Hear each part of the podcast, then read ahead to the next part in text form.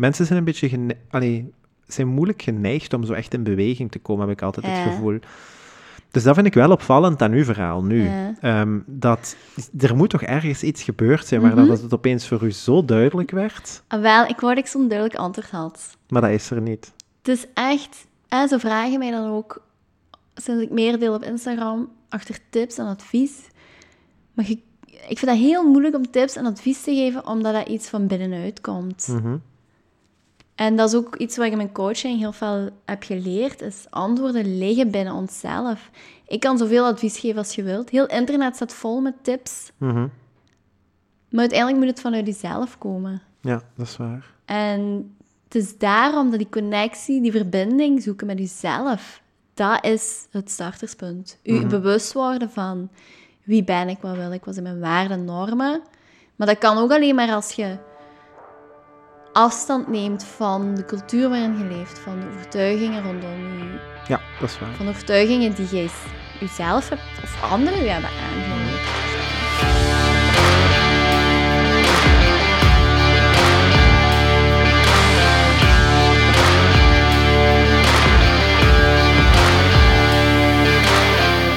Welkom terug iedereen. Wie af en toe goed geluisterd heeft, weet wat ik nu ga zeggen. Deze podcast gaat nog altijd over mensen. Vandaag enkel een klein beetje meer over Elke Jordens. Ik kan al iets verklappen. Wat zij daarnet vertelde is niet het enige straffe dat er besproken werd op die zomerdag in Diepenbeek, toen het weer uitzonderlijk vergevingsgezind leek te zijn. Het werd ook een ontmoeting waar ik zelf diep ben gaan graven in oude verhalen en gedachten die al lang achter mij liggen, maar nog steeds een dominante rol spelen in wie ik vandaag ben. Elke doet dat goed. Ze doet dat heel goed. Ze spreekt vanuit haar buik en leeft daar ook naar. Ik ben ondertussen al eventjes op wandel met microfoon en laptop, maar het was de eerste keer dat een verhaal ook voor mij een emotioneel randje kreeg. Laat dat een voorteken zijn dat Elke als coach, of hoe ze dat ook gaat noemen, een juist pad gekozen heeft.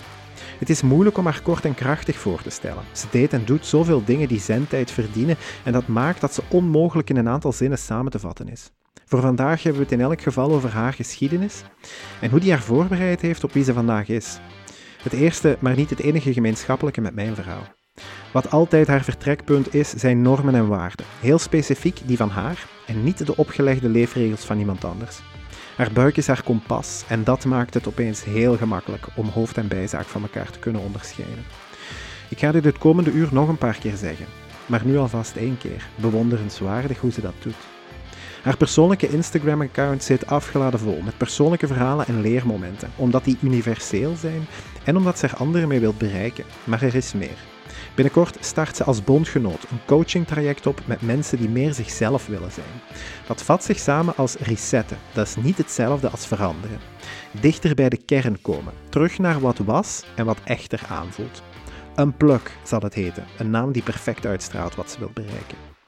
Haar persoonlijke waarden hebben een echo. Ze krijgt veel respons bij mensen die van haar willen leren. Ze doet daar ook veel meer mee. In een poging een mooiere wereld te creëren, beheert ze tegelijk de social media van vegan restaurant Lento in Hasselt. Ook dat doet ze heel goed. Deze aflevering gaat over bewegen en loslaten, durf tonen en stappen zetten. Aan het eind van die beweging zit een verlossend gevoel en het is toepasbaar op alle relaties, situaties of zaken die we in ons leven tegenkomen. Misschien is dat wel de perfecte samenvatting van vandaag. Liefde en hoop wint altijd van angst. Kies altijd voor dat eerste, ook al moet het met hindernissen. Eens het loskomen in de achteruitkijkspiegel zit, valt het op hoe klein het eigenlijk was. Iedereen is minstens zichzelf, de beste versie van zichzelf, verschuldigd.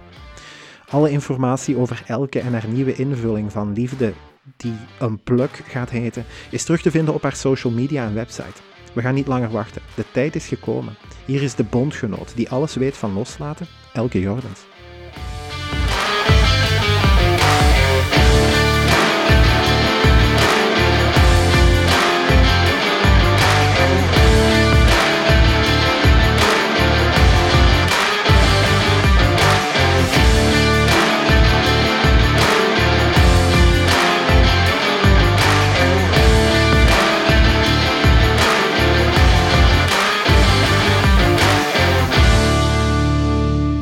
Hi, dag Elke.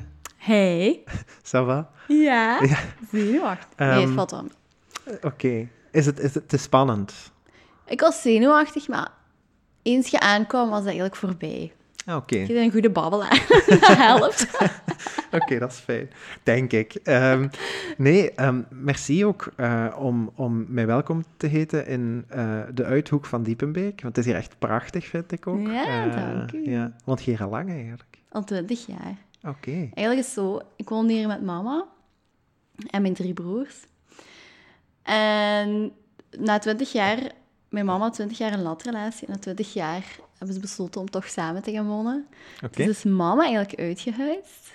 en heb ik besloten van, mm, dan ga ik hier de boel wel runnen. Oké, ja. En toen ja, zijn mijn vrienden en ik hier samen komen wonen. Oké, dus echt dit huis ook. Ja, ja, ja. Dat is ook een uniek verhaal, toch? Ja, eigenlijk wel, ja. Ja. Ja, en ik wil er ook niet weg. Ik ben hier zo aan alles zo gehecht. Ja. Ook aan die boom buiten, die heeft zo alles gezien, zo. Ja. Vroeger en nu. En ja, ik zou dat heel erg vinden. Dus ik zou ik hier weg moeten, maar... ja, ik denk dat ik in mijn leven al elf keer verhuisd ben. Dus dat is zo Nee. misschien het andere uiterste. Elf keer? Ja, echt veel. Amai. Echt veel. Iets te veel. Ja? Maar ik ben zo niet gehecht, daardoor hè, Ja. ben ik zo niet gehecht aan een, aan een locatie. Ik kan ook echt overal wonen, denk ik. Maar pas op, dus... Ik, ik weet ook wel, het is ook niet altijd goed om je te veel te hechten aan iets. Daar ben ik me nu heel veel van bewust. Ja, maar eh, misschien is dat anders bij een huis dan bijvoorbeeld bij een, bij een mens of zo. Ja, Omdat een huis, de kans is kleiner dat een huis verdwijnt. ja dat weet, ik huur het maar, hè. Dus Ah, hetzelfde geld. Hè. Ja, Als mijn huurbaas overlijdt, die heeft ook zonen. Snap je? ah ja, oké, dan is het misschien een ander verhaal. Dan heb ik niks gezegd. Ehm, nee, Elke, eh, ik, eh, zoals ik daar straks zei, en merci om mij welkom te heten, want ik, ik vind dat ook niet altijd evident, dat, of vanzelfsprekend dat mensen dat, dat oké vinden, dat ik zo kom, eh, kom binnenwandelen. Ehm, we hebben het daar straks al eventjes gehad, hè, zo, deze podcast en wat mijn bedoeling is. Dus ik vind het altijd heel fijn om gewoon met mensen te kunnen babbelen. Ik, het valt mij ook altijd op, zei ik deze week nog tegen iemand, hoe, hoe fijn ik dat gewoon op zich vind, om met mensen te kunnen babbelen. Eh, De podcast komt daar zo per ongeluk een beetje bij. En dan is het fijn om dat uit te zenden. maar ehm, ik heb mijn batterij dan eigenlijk al opgeladen. zo. Ah, Ja.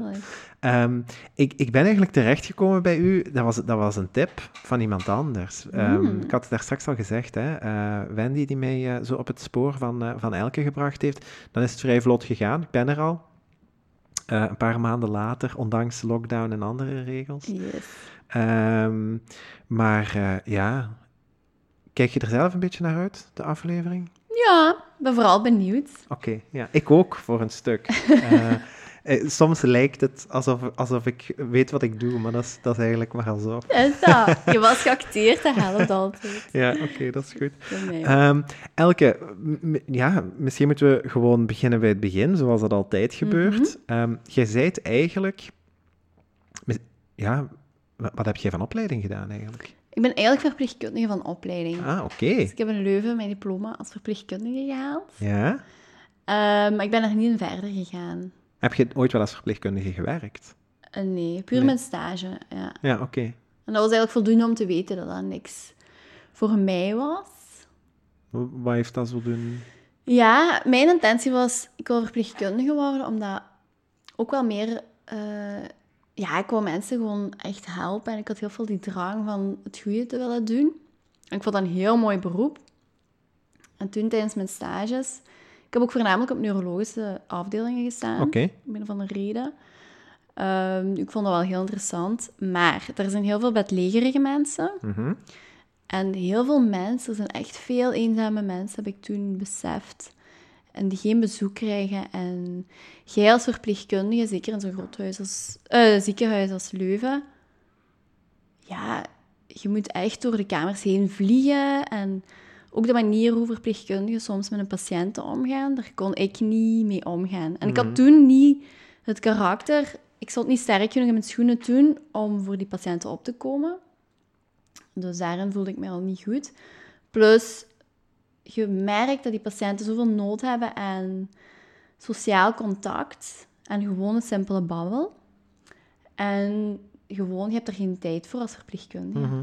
En ik krijg het moeilijk als ik daarvoor babbel, maar Ja. Ik voelde me zo machteloos, als, als student ook. Maar ja, en ja, ik weet nu ook, ergens voelt dat als een paradox, want je weet dat die, dat die mensen daar liggen Ja. En ik ben misschien geen verpleegkundige. Allee, ik kies ervoor om dat beroep niet te doen, om daar niet mee geconfronteerd te worden ook wel. Ja? Maar ik weet dat ze daar nog wel liggen en dat er heel veel moet gebeuren om de gang van zaken daar te veranderen. Klopt. Om die verpleegkundigen naar buiten te krijgen die eigenlijk daar totaal niet horen. Uh-huh. Ja, Ja. ja, dat is een beetje een gemeenschappelijke geschiedenis die we hebben. Ik heb tien jaar op, op, eh, in Pellenberg dan, maar evenzeer UZ Leuven, ah, ehm, op de afdeling niet aangeboren hersenletsels gewerkt. Ah, Ehm, dus waarschijnlijk de patiënten die u eerst hebben leren kennen, dan zal ik er Mhm. in die periode ook wel een aantal tot bij mij gekregen hebben. Allee. ja, ja. Maar je zegt wel herkenbare dingen zo. Ja? Ehm, ik denk wel dat het niet zozeer hangt aan een bepaalde persoon, of aan een bepaalde verpleegkundige Mhm. bedoel ik dan, eh, van, hoe moet ik het zeggen, slechte inborst of zo. Mm, Maar dat het systeem mensen in zo'n positie dwingt. Ja, Ehm, eh, zorg aan bed, ja, dat is getimed, hè. Er is maar een, Mhm. een beperkt aantal minuten. Dat is ook... Ik heb heel vaak gezegd en, en tot in het oneindige herhaald dat je beter drie minuten volledig 100% aandacht kunt geven aan een patiënt in plaats van 10 minuten een excuus te zoeken om terug Ja. buiten te geraken. Ehm, maar dat, Dat is, nooit echt helemaal doorgedrongen. Nee. Ehm, kreeg zo geen, kreeg zo geen ruggensteun, mijn, Nee, mijn theorie. Dat is moeilijk daar Ehm, maar dat is moeilijk. Dat is ook omdat je, ja, in uw rol natuurlijk als stagiair, Mhm. ik was dan, ja, ik zeg nu voor expres, maar maatschappelijk werker in heel dat verhaal. En, en heel veel mensen denken dat ik er dan was om met de mensen te babbelen. Eh, een beetje waar dat jij denkt, of dacht dat het tekort wel lag hè, op de Mhm. afdeling. Ehm, maar dat is eigenlijk ook niet waar. Dus ik had daar ook niet altijd tijd voor om zomaar met de mensen wat te Nee. babbelen. Ehm, en dat was ook niet gemakkelijk om, dat, om, dat, om die tijd naar mij toe te trekken of zo. Ja. Ik heb mij altijd een beetje gesust met het idee ehm, dat ik er wel was. Ja. En dat dat op zich, omdat ik er zo verdacht, ook wel al een verschil maakte. Ja. Eh, dus dat heeft mij dan wel altijd wat, wat kracht Ja, gegeven. Maar het is dat wat nu bij mij misschien... Allee, nee. Ik moet het daar niet gaan oplossen, maar Nee. als je daarvoor babbelt, dan denk ik toch van ja... Die mensen wel, ja, verpleegkundigen nodig. En Ja, ik heb de opleiding gedaan, maar goed. Nee, daar Ja. ben ik al aan voorbij. Maar oké. En dan heb je nog tijdens je studies of vlak erna beslist, ik ga iets anders doen. ja, dus dan eh, ben ik eerst... Ik was toen een heel ander persoon ook wel, hè. Mhm. Dus toen dacht ik eerst, oké, ik wil in de medische wereld blijven. Eh, dan had ik zo wat contact met mensen die als vertegenwoordiger werkten in de medische wereld. Dus bij dokters langs gaan. En, eh, heb, ik mij, eh, heb ik dat gedaan voor een paar maanden, maar het was totaal niks voor mij. Het was veel te commercieel. En toen ben ik toevallig... Ik ben toen ging ik op zoek naar een andere job. En ik ging me dan inschrijven in een interimkantoor. In Diepenbeek was dat toen. En zonder dat ik het wist, had die bazin voor mij. En die heeft mij die, dat uur dat ik daar zat eigenlijk een job aangeboden als outplacement consulent. Ja. Dus eigenlijk waarin je mensen begeleidt die meestal waren die boven de 45 jaar, Mhm. die werden ontslaan en die een bepaald aantal jaren anciëteit hadden Ja. om die te begeleiden eigenlijk. Dus Mhm. totaal iets anders, maar eh, psychologie van de mens interesseerde mij toen ook wel al. Mhm.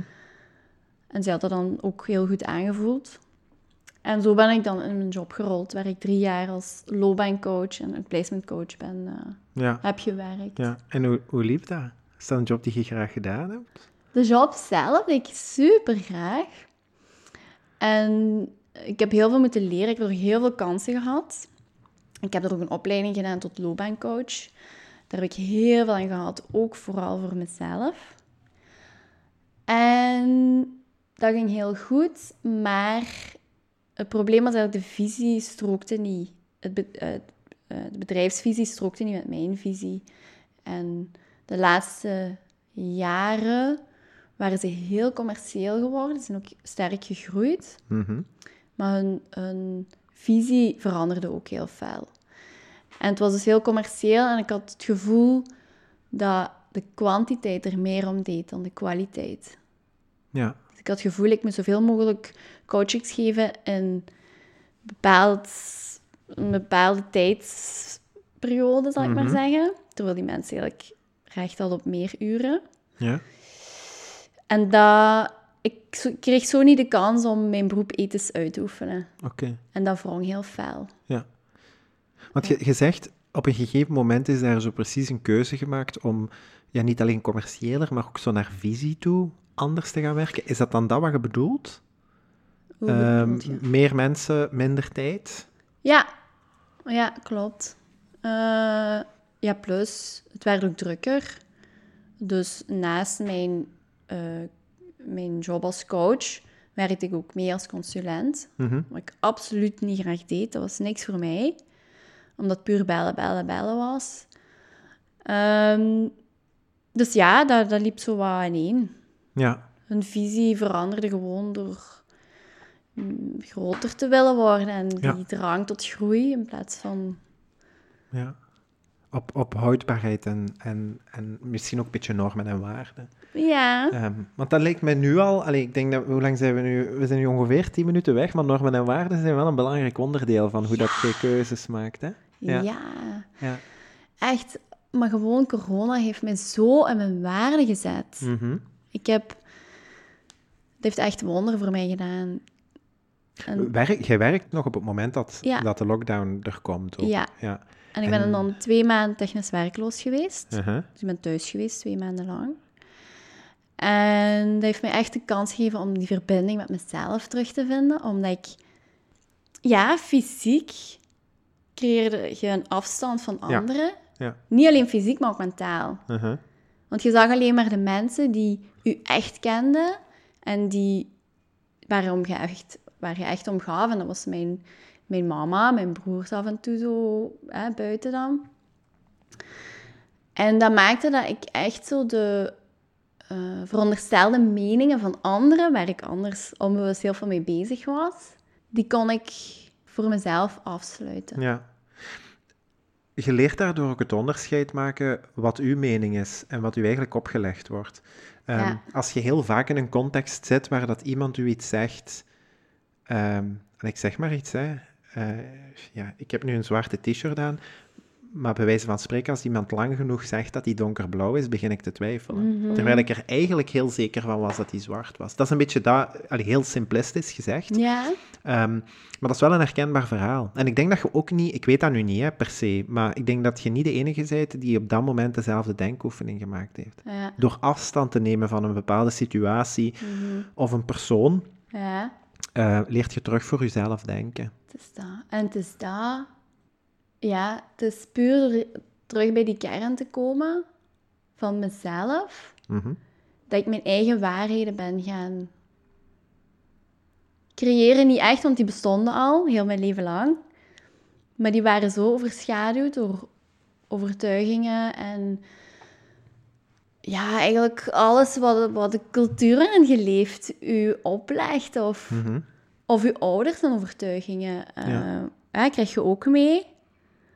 En door die verbinding met mezelf te vinden, ben ik echt mijn eigen waarheid gaan vinden. Mijn intuïtie ook meer gaan durven volgen. En Ja. ja, Omdat het nu niet anders kon, ook voor een, s- je had nu tijd om dat te doen. En je stond los van alles. en ik was heel veel in de natuur. Ja. Ik heb mijn tv weggedaan. Ah, echt? Ja, Weg? ik had je nog niet opgemerkt. Ik heb er geen tv Ja, ik zag staan. geen tv, maar... Nee. Dus er zijn heel veel inputs die ik, ehm, ja, die ik, eh, die er ineens niet meer waren. Echt om, echt om zo'n mentale ruimte te creëren? Ja, goh, die tv was ook zoiets van, ja, we zijn heel veel met milieu bezig.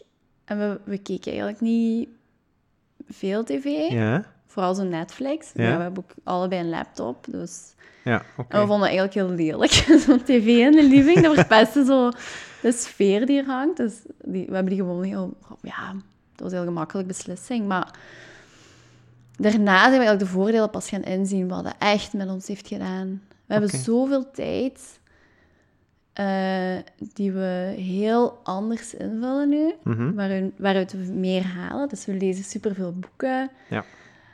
Eh, ik luister heel veel podcasts. Ik ga s'avonds een wandeling maken. Ik ga vroeger slapen, waardoor ik mij mentaal ook sterker Mhm. voel. Eh, het nieuws mijd ik. Mijd ik gewoon. Ja. ja, dat probeer het ik ook wel te belangrijkste doen. nieuws zal wat tot mij komen, Ja. denk ik. Hè. En dat klopt ook. Het belangrijkste nieuws Ja. bereikt u sowieso. Wat, het, wat, wat je moet weten, dat, allee, dat leert je wel. Inderdaad.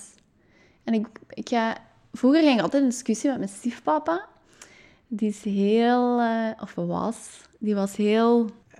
Ja, zo ouderwets. hè. Ja, ja, je moet weten wat er in de wereld omgaat. Ja. Maar dat maakte mij niet gelukkig. En, en dat bracht mij zelfs angsten. En nu bijvoorbeeld met Afghanistan. Eh, ik zag dat nu op mijn Instagram natuurlijk verschijnen. Je ziet het Mhm. overal. En er gingen zo gevoelens van angst en paniek en verdriet door mij heen. En toen dacht ik ook daarna... Ik was aan het werken en ik was erover aan het nadenken. Toen dacht ik, ja, maar... oh, waar hebben die mensen nu het meeste aan in de wereld? En dat is eigenlijk liefde en hoop. Ja, absoluut. Ik- denk dat het... Allee, dat geldt voor mij bijvoorbeeld. Hè. Mhm. Op een gegeven moment besefte ik ook dat je niet... Je hebt geen controle over heel de wereld. En je Mhm. kunt niet inderdaad eh, zo op zo'n grote schaal... Ja, noem het liefde en hoop uitdragen. Dat gaat niet zonder dat je er zelf van onderdoor gaat. Omdat daar al... De lat ligt zo hoog dat daar alleen teleurstelling te vinden is. En ehm, ik, ben dan, ik heb dan stappen teruggezet. Dus ik probeer dat voor mijzelf eerst te doen. Ja, Wat niet egoïsme is trouwens. Nee. Hè? Ehm, maar eh, dan bedoel ik echt eh, ja, mezelf graag zien en ook altijd blijven hopen op, op een goede uitkomst. Mhm. Op het beste voor mezelf. De mensen die dichtst bij mij staan. Mhm. Ik kies dan ook een beetje welke mensen het dichtst bij mij mogen staan. ja. Ehm, omdat dat gaat over, zo, dat gaat over energieën. Hè? Ja, Eh, mensen die alleen maar vragen. Ehm, en eh, dat, dan heb ik, ik heb de controle terug bij mij. Zo. Ik begin met mezelf en dan zijn er nog mensen die ik ook graag ga zien. Mhm. Ehm, om, omdat ik... Maar ik kan... Ik, ik snap het idee dat... Het is heel moeilijk om iemand anders graag te zien als je jezelf niet graag ziet. Mhm. Eh, en dan omgekeerd ook, je, je kunt bijna niet verwachten dat iemand u graag ziet als jij het ook niet kunt. Nee, klopt. Ehm, dus toen die frang viel zo, eh, ben ik dat wat bewuster beginnen doen. Ehm, misschien zelfs op hetzelfde moment. Ook omdat ik dan nog opeens tijd had om na te denken. Ik had mijn tv nu wel niet weggedaan. Ehm, maar ja, niet alles, niet alles moet gemeenschappelijk lopen of zo. Maar het, het is, het, is wel iets, het is wel iets heel herkenbaar zo. Ja. Ehm, dat je zo... Ja, dat lijkt zo heel idealistisch, hè? Zo liefde en hoop. Maar dat zijn eigenlijk twee heel goede waardemeters voor mij. Ja, ik geloof als, als, alle, als hetgeen wat je doet uit liefde is, dan... Liefde is altijd sterker als angst. Ja, Ja. Maar we moeten er wel voor kiezen. ja, dat is waar. Ik zou misschien hoop... Mag ik hoop ruilen voor geluk?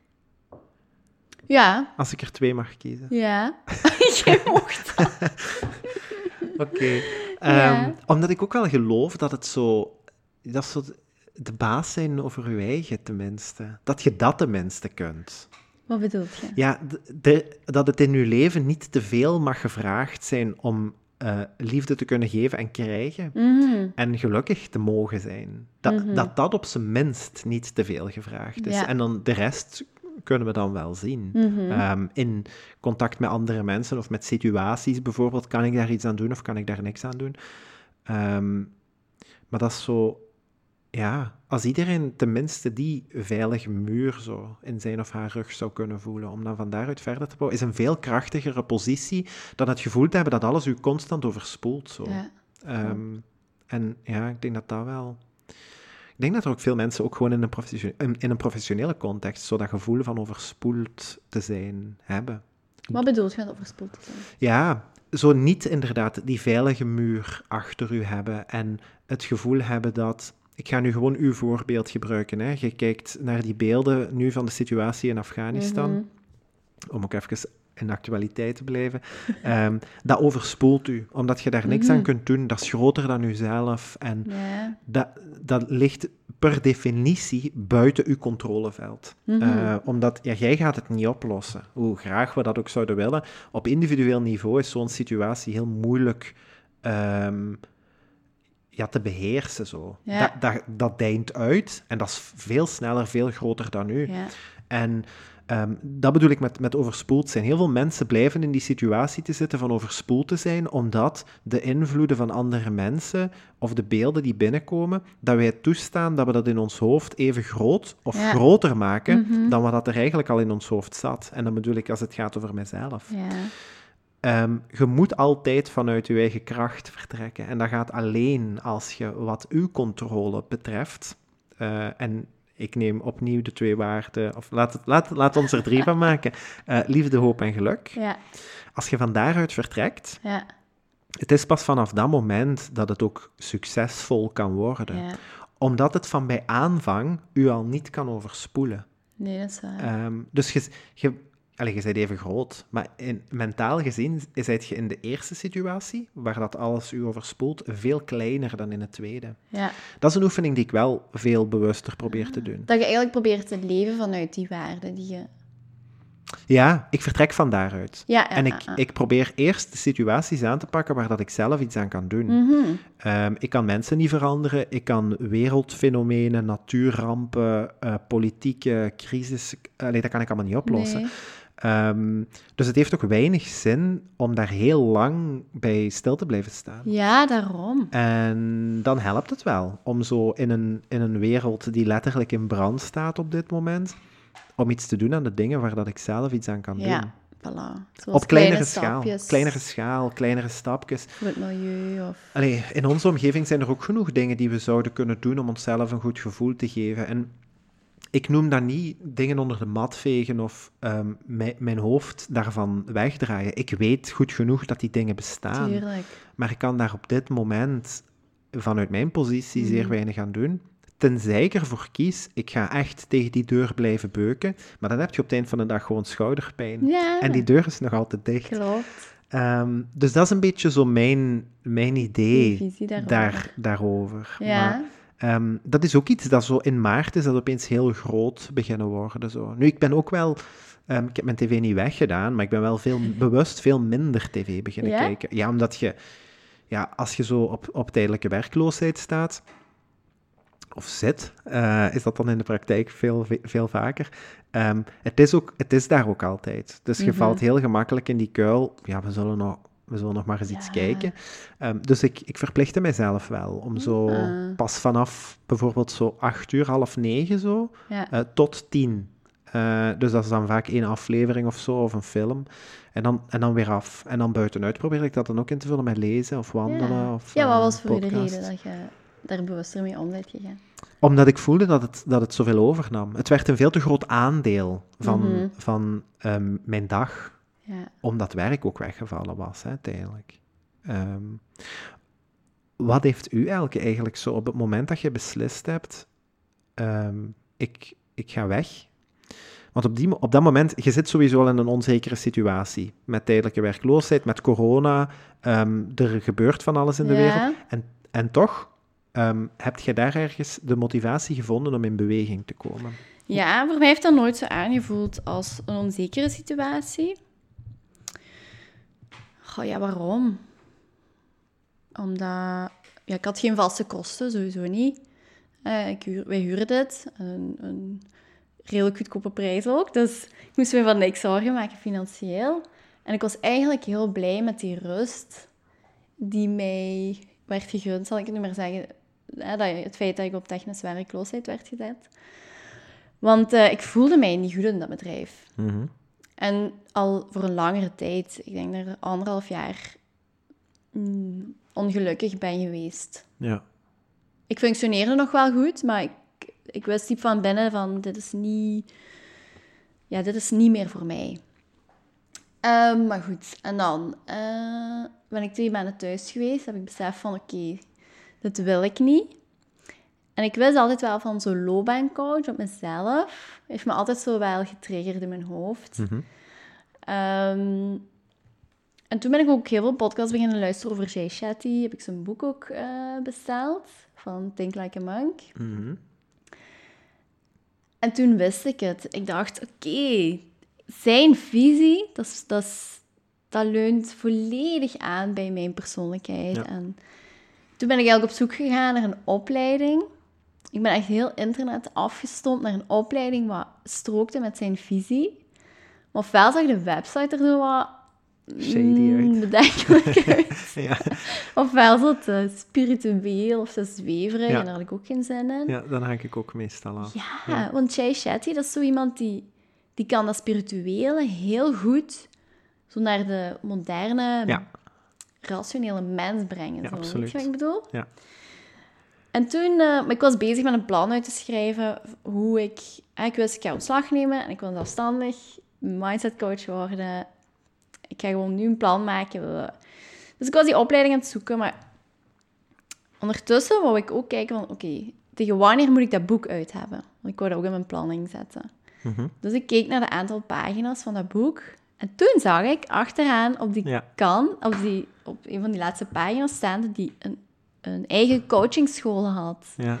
Dus dat was echt alsof, alsof ik gestuurd werd van, je gaat nu kijken naar die blaren. Ja. En dat was juist diezelfde dag dat ik zo heel nu al, ja, volledig internet heb afgezocht naar opleidingen. Heel toevallig. En ik heb me direct ingeschreven. Oké. Ik was zo blij. Ah, ik, ik had eindelijk zoiets van, oh my god, dit is het gewoon. En Hoe lang is dat geleden?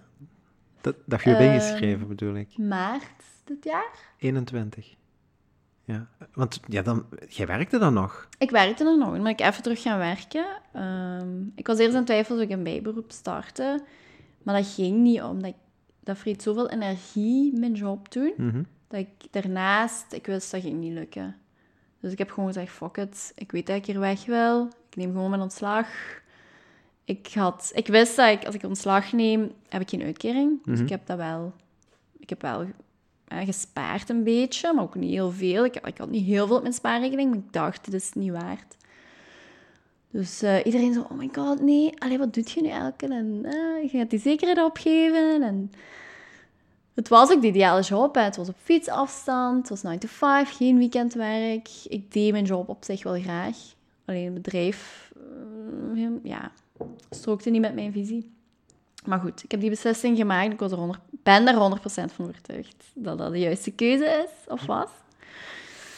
Ehm, dus ja, ik heb toen ontslag genomen met het idee, ik ga drie maanden een sabbatsperiode houden in Lassen Mhm. waar ik veel in natuur ga zijn, waar ik alleen met mensen ga afspreken die mij eh, de juiste energie geven en die mij inspireren.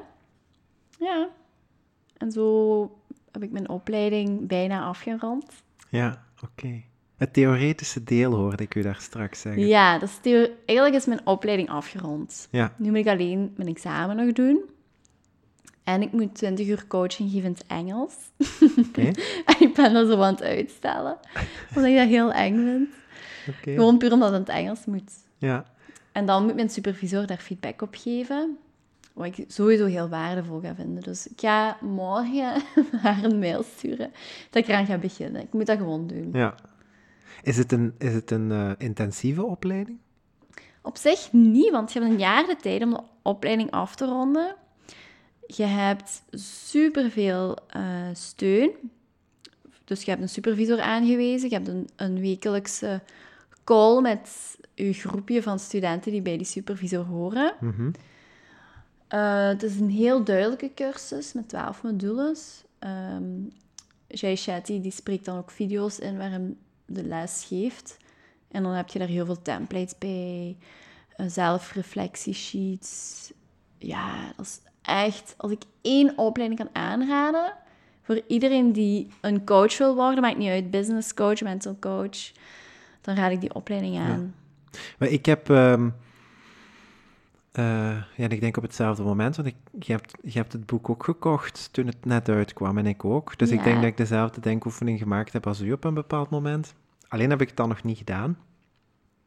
Eh, maar dat, is- dat, was wel iets dat mij aansprak, omdat in de, dat zou ik je daar straks ook hoorde zeggen, hè, zo zijn, zijn stijl van communiceren en bepaalde dingen die anders zo in het spirituele wat blijven hangen, Mhm. ehm, krijgt hij in een, in een heel alledaagse context heel goed uitgelegd. Ja. Ehm, dus dat sprak mij daar ook zo wel in aan. Ehm, ja, ja, ik heb dat dan uitgesteld. Eh, ik ben er nog niet aan begonnen. Dus ik snap het, uit, dat is u vergeven, het uitstellen van de coachings in het Engels. Ehm, ik heb heel de opleiding uitgesteld. Dus, ehm, Wat opleiding? Ja, omdat ik er ook aan dacht om die, om die te volgen. Ah, serieus? Ja, ja, ja. Maar ik ben er dan ja, ik ben er gewoon nog niet aan begonnen of niet aan geraakt. Houd niet. ik? Ehm, ik weet het eigenlijk niet. Ik weet eigenlijk niet. Ik zou er eens over moeten, moeten reflecteren. Zo. Ah.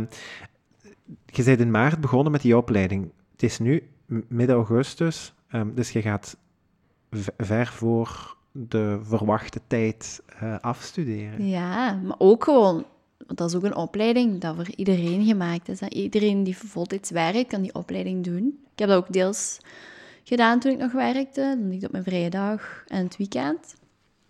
Dus, allee, een jaar is ruim. Ja.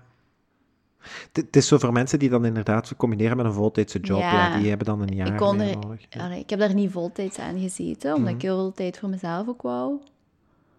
Ik deed dat zo iedere voormiddag. Ja, Focus ik me op de cursus. ja. Is het een dure opleiding eigenlijk?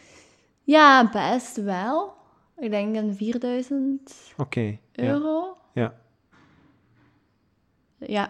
Maar het is gewoon, het is het waard. Ja, oké. Het is heel waardevol. Ja, voilà. Ik ga even terug naar iets wat ik u daarnet hoorde zeggen. Op het moment dat jij beslist om te vertrekken en, en zo uw eh, rustperiode of, of sabbatical periode te nemen, ehm, waren het vooral andere mensen die aan u vertelden of je wel zeker waart om voor de onzekerheid te kiezen. Ehm, maar bij u heb ik dat zo niet echt gemerkt. Jij bent daar, eh, allee, zoals ik het u net hoorde Mhm. vertellen, vrij vlot overheen gegaan. Ja. Ja. en ik vond dat zo gek om, om mensen te horen van... Allee, ik vind het zo chic dat je dat doet en dat je dat durft. En voor mij was dat zo... Dat was heel duidelijk voor mij dat ik dat wou. Ja.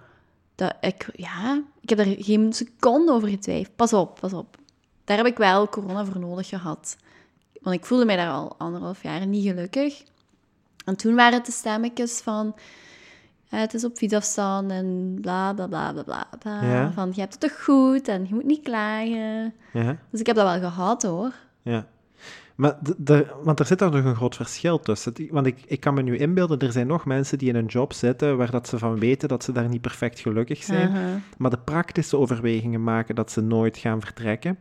Mensen zijn een beetje allee, zijn moeilijk geneigd om zo echt in beweging te komen, heb ik altijd het gevoel. Dus dat vind ik wel opvallend aan uw verhaal nu. Ja. Ehm, dat er moet toch ergens iets gebeurd zijn waar dat Mhm. het opeens voor u zo duidelijk werd, Ah, wel, ik wou dat ik zo'n duidelijk antwoord had. maar dat is er niet. Het is echt... En ze vragen mij dan ook, sinds ik meer deel op Instagram, achter tips en advies. Maar je- ik vind dat heel moeilijk om tips en advies te geven, omdat dat iets van binnenuit komt. Mhm. En dat is ook iets wat ik in mijn coaching heel veel heb geleerd, is antwoorden liggen binnen onszelf. Ik kan zoveel advies geven als je wilt. Heel internet staat vol met tips. Mhm. Maar uiteindelijk moet het vanuit jezelf komen. Ja, dat is waar. En het is daarom dat die connectie, die verbinding zoeken met jezelf, dat is het starterspunt. U Mhm. bewust worden van wie ben ik, wat wil ik, wat zijn mijn waarden en normen. Maar dat kan ook alleen maar als je afstand neemt van de cultuur waarin je leeft, van de overtuigingen rondom je, Ja, dat is waar. van de overtuigingen die jij jezelf hebt of anderen u hebben aangeleerd. Ja, het is vooral dat onderscheid maken. Hè. Welk deel is van mij, welk deel is eigenlijk van iemand anders, verpakt alsof dat van mij is. Ja, voilà. Ehm, ja, dat kan ik ook wel volgen. En dan moet je er inderdaad even... allee, je, moet, je moet ervan loskomen, want anders gaat je dat Ja. nooit ten volle kunnen zien. Misschien, en dit is nu gewoon hardop nadenken wat ik doe, want jij werkt dan als eh, outplacement coach, hè? ja. Misschien heb jij ook gewoon heel vaak gehoord, of mensen voor u gehad, die zo het voorbeeld van de gemiste kans waren. Zo. Oh my god, echt niet normaal. Ja, Die hebben zoveel wijsheden op mij overgebracht. ja, Gewoon dat ik zo... Ja, een voorbeeldje. En ik waarschuw... Ik heb mijn, al mijn collega's gewaarschuwd. En ja. zijn er een deel die mij nu gelijk geven.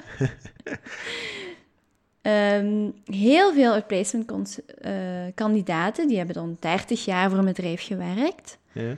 Maar die ident- identificeerden zichzelf met een bedrijf. En dat is wat ik in het begin van de podcast zeg.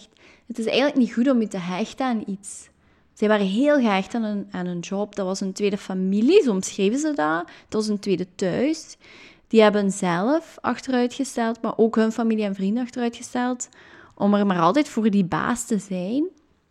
En die worden dan na 30 jaar ontslaan met een bericht of met een mail. En die mensen, die zijn 50% van hun, van hun identiteit kwijt. Ja. Zo voelt dat voor hun, omdat die, Ja. die hun job, dat, was, dat waren zij. Ja. En ineens valt dat weg. En dat was zo van, ja, wie ben ik nu nog? Mhm. Wat ben ik nu nog waard? Ja. Dat is, dat is een... ehm, dat, ja, dat is eigenlijk de overtreffende trap van een... Ja, of toch minstens exact hetzelfde als een relatiebreuk. Eh, Ja, ja, klopt. het is geen liefdesrelatie, maar het blijft een relatie, hè? En als je daar zoveel van jezelf hebt ingelegd. Ja. Ja. Maar zelfs... Het hoeven zelfs geen menselijke relaties te zijn. Maar je hebt ook mensen die hun identificeren aan een dure auto. Of Ja, aan klopt. een chic huis. Of Ja. aan een fancy kleren. En als dat dan wegvalt door een faillissement, of hè, het kan snel gebeurd, hè. Mhm. Die, ja, die zijn ook een stuk van hun identi- identiteit kwijt. Ja. En het is daarbij, als je die connectie met jezelf Ja. terugvindt, Ja. en je terug heel voelt met, met jezelf, snap je? Want we voelen ook van, ik heb een partner nodig om me heel te voelen. Of, of ik heb laatst een, po- mijn post gezet van, eh, in het begin van onze relatie had ik heel veel het gevoel van, Giel is mijn betere helft. Mhm. Ik heb Michiel nodig. Ja. En eigenlijk onbewust vertelde ik tegen mezelf, ik ben de mindere helft. Ja. Ik ben niet volledig. Als hij er niet is. Ja, Ja. als zij zo wegvallen. Ja. Ik had hem nodig. Dat, dat klopt toch niet? Nu denk ik echt van, allee. Ook zo, met, met- ik hoor heel vaak mensen die zich afhankelijk voelen van hun job. Ik heb Ja. me ook afhankelijk gevoeld van mijn vorige job, omdat zij financierde mijn, mijn eten, mijn kleren. Ja. Maar er is zoveel in de wereld. Allee, er zijn zoveel werkgevers die je dat kunnen bieden. Je hebt zo, ja... Ja, dat is waar. Je hebt zelfs geen werkgever nodig. Nee, strikt genomen niet. Ik vind u heel onbezorgd, Elke. Ja, ik hoor dat veel. Ehm, maar dat is, ik ben er nog niet helemaal uit of het, of het eh, exclusief goed nieuws is. Maar ik ben mijzelf nu een beetje aan het proberen in uw schoenen te zetten. Zo. Mhm. Ehm, en dan ben ik gewoon heel eerlijk. Het is, het is sowieso iets om jaloers op te zijn. Dat denk ik wel. Mhm. Voor mij, hè. Ehm, maar het is ook heel veel loslaten. Het is loslaten. Ja. Dus ik denk dat je zo wel... ehm, het is daarom dat ik zo'n beetje aan het polsen was naar zo de intensiteit van je leermoment dat je zo gehad hebt. Ja, Maar je, hebt- je, je, je hebt het niet. ik kan het niet. Ik weet, natuur heeft mij heel veel gebracht. Terug in de natuur komen.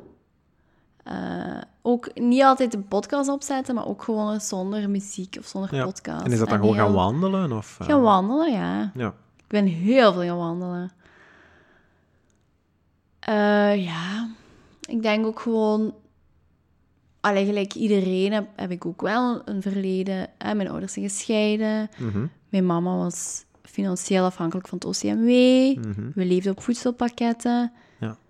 Dus wij zijn eigenlijk alles kwijtgeraakt. Ik, ik werd gepest om broeken die te kort waren. Snap je? Allee. Ja, ik, ik heb mijn broeken altijd... Ik was de derde generatie met Ah, de broeken. En wij hadden ook, voedsel, wij hadden ook voedselpakketten en zo. Ja. ja. Ik ben ook in... eh, Wat een connectie dan. ja, mijn ouders zijn inderdaad gescheiden. En dan... eh, ja, mijn mama heeft het ook heel zwaar gehad. Met vier Ja. kinderen ook. Ja, wij ook. Eh, want we hebben ook... Ik heb één zus en twee broers. Dus dat is ook hetzelfde. Oh god, hoe akelig. En eh, ja, ehm, ik denk dat... Ik heb daar nooit het heel fijne van geweten, maar zoals ik het begrepen heb, mijn vader heeft, heeft ons mama met, ehm, met heel wat schulden zo achtergelaten. Ja? Dat was dan ook echt met loonbeslag en zo. Oei. En dat was ook... En ik denk dat... Mama heeft dat nooit eerlijk tegen ons gezegd, Ah, zo. Maar ja. er zijn toch een aantal dingen, als ik daar zo nu als volwassene zo terug aan denk... ik denk dat hij veel honger gehad heeft om ons eten te kunnen geven ook. Ja. En dat was ook met voedselpakketten en zo die Ja. dingen. En dat is zo. Dat vormt u ook als Ja. mens. Dat, en ik snap ook wel dat ik daardoor nu heel dankbaar ben voor alles wat ik wel heb. Ja. Terwijl dat, dat misschien voor iemand anders die veel meer heeft als mij, Ja. die kijkt naar mij en denkt misschien nog van oei, die heeft niet zoveel.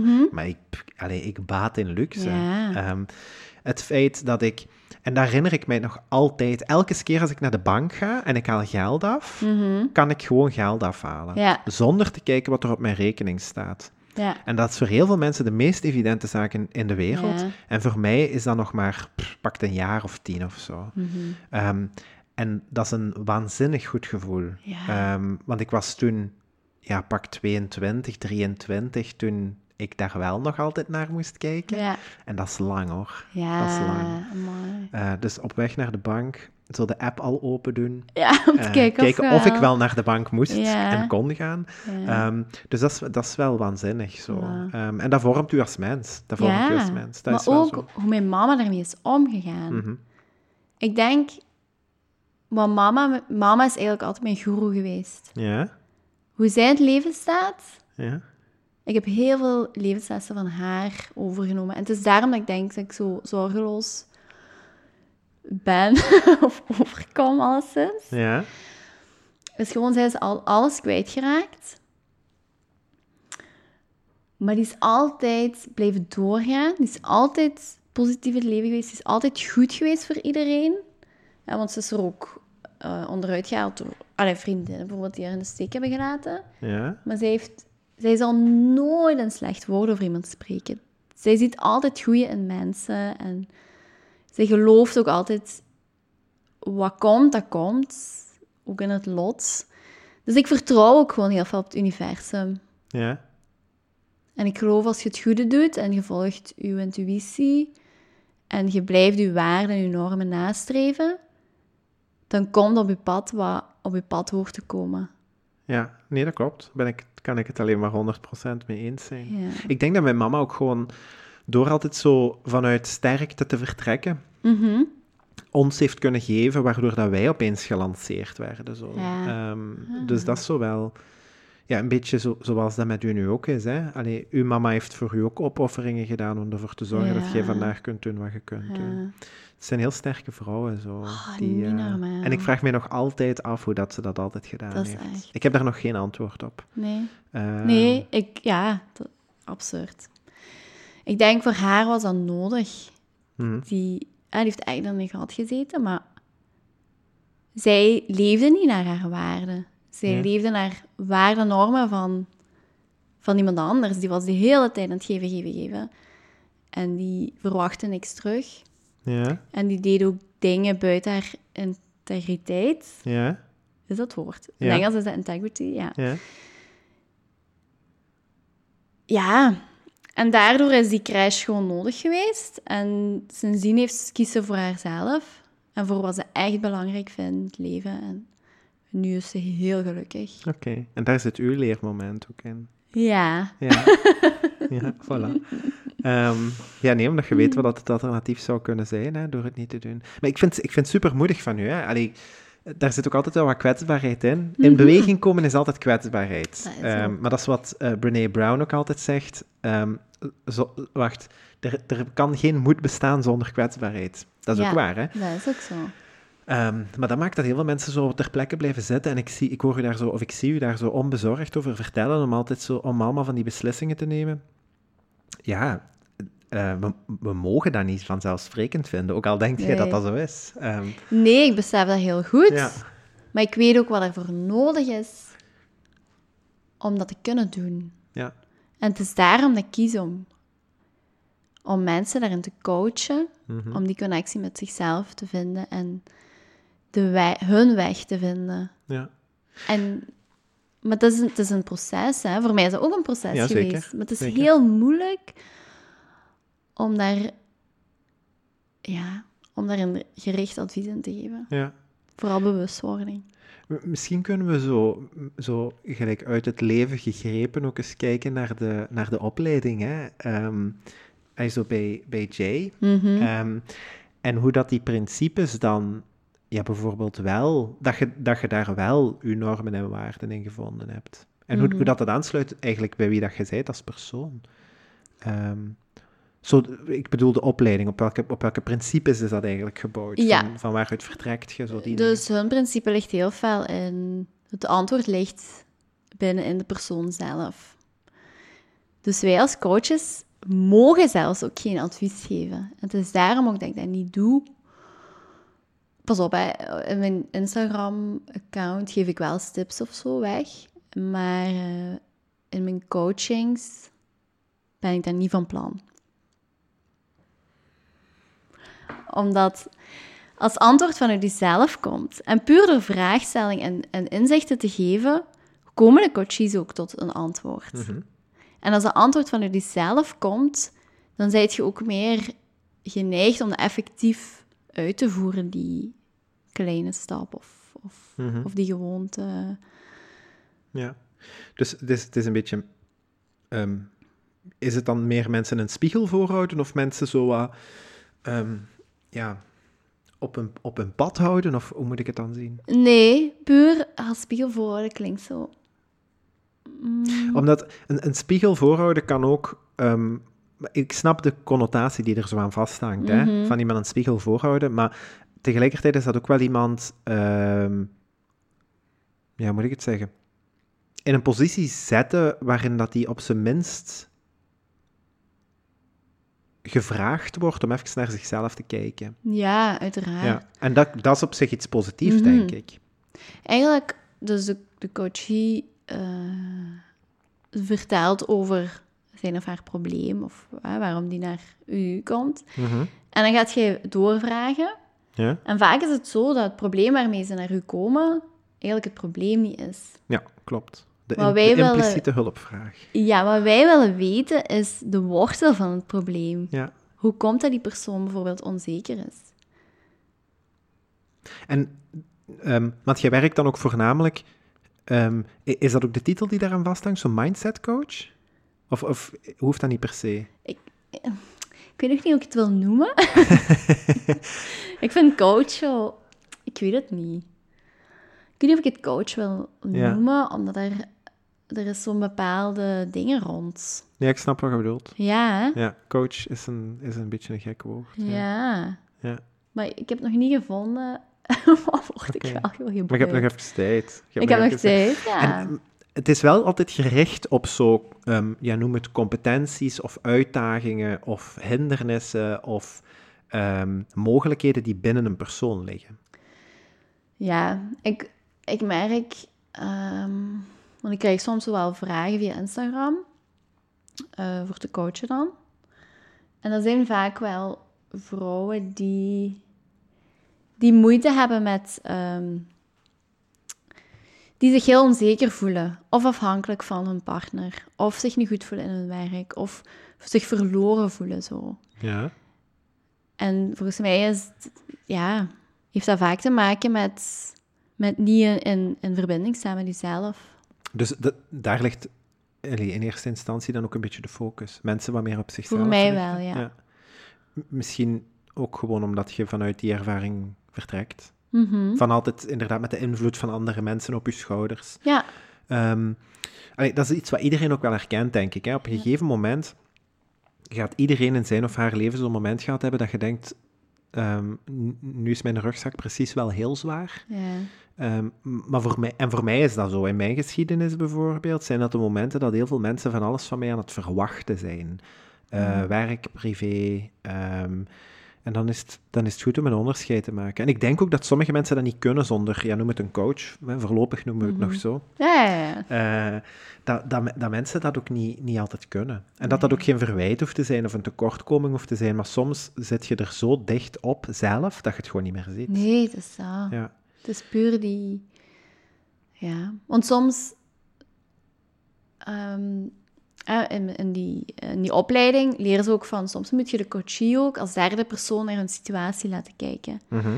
En zelfs dat... Want ik oefen dat dan soms met mijn vriendinnen of... ja. Ik zeg dan, ja, stel dat je als derde persoon naar deze situatie zou kijken, hoe zou je daar dan naar kijken? Of... En dat, dat, dat alleen al kan heel, kan heel een perspectief op iets veranderen. Mhm. Of Dus eigen- geven. Je begeleidt mensen gewoon een beetje bij het nadenken. En bij het, bij het reflecteren en, Ja, en eigenlijk wel. Want het is ook niet de bedoeling dat je iemand verandert, hè? want dat, dat zit al in hen. Maar je, leert het ze even onder de aandacht brengen, zoiets. Eigenlijk is het tegenovergestelde van veranderen. Ja, Eigenlijk wil ik hun terug resetten ja voilà. naar Ja, hun kern. Dat is nog een mooie samenvatting. Voilà. Mijn naam gaat trouwens ook een plug. Een plug, ja. Ah ja, noemen. oké. Een plug van eh, Akoestisch. loslaten. ja. iemand zei me dat akoestisch. Als je de stekker uittrekt. ja, Ja, ja. dus voor mij is, is het heel veel loslaten, gelijk jij zegt. Maar ik denk wel dat, allee, en dat zeg ik nu zo uit het hoofd, ik denk wel dat je daar een, eh, een goede persoon voor kunt zijn, net omdat ik je verhaal nu ken. Ja, Ook van zo wat je beslist hebt als je gestopt bent en zo. Ehm, ik vind dat wel niet zo evident om dat zo vlot te doen. En jij doet dat alsof dat de normaalste zaak van de wereld is. Ehm, maar dat is wel oké. eh, om, om, ja, dat, dat je daar een, minstens een deel van gaat proberen meegeven aan andere mensen. Zo.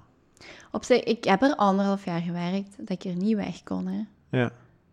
Maar dat is... eh, ja, dat maakt het niet minder, Nee. minder gemakkelijk of zo. Weet niet. Eh. Maar eh, het is daarom ook dat ik op mijn Instagram-pagina heel veel over mijn persoonlijk leven blootgeef. ja. Om inzicht te geven in de veranderingen die ik heb doorgemaakt. ja, ik heb daar lang mee gewacht. Zo. Maar ik ben nu heel recent, en dat is echt super recent, Ja? ben ik er wel uit dat ik over mijn...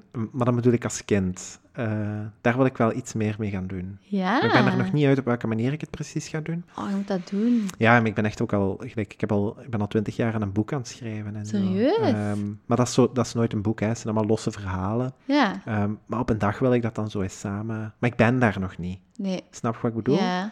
Ik moet op een punt zijn waar dat ik, als ik aan dat boek, aan dat laatste hoofdstuk begin, Ja. dat, ik, dat ik heel ben.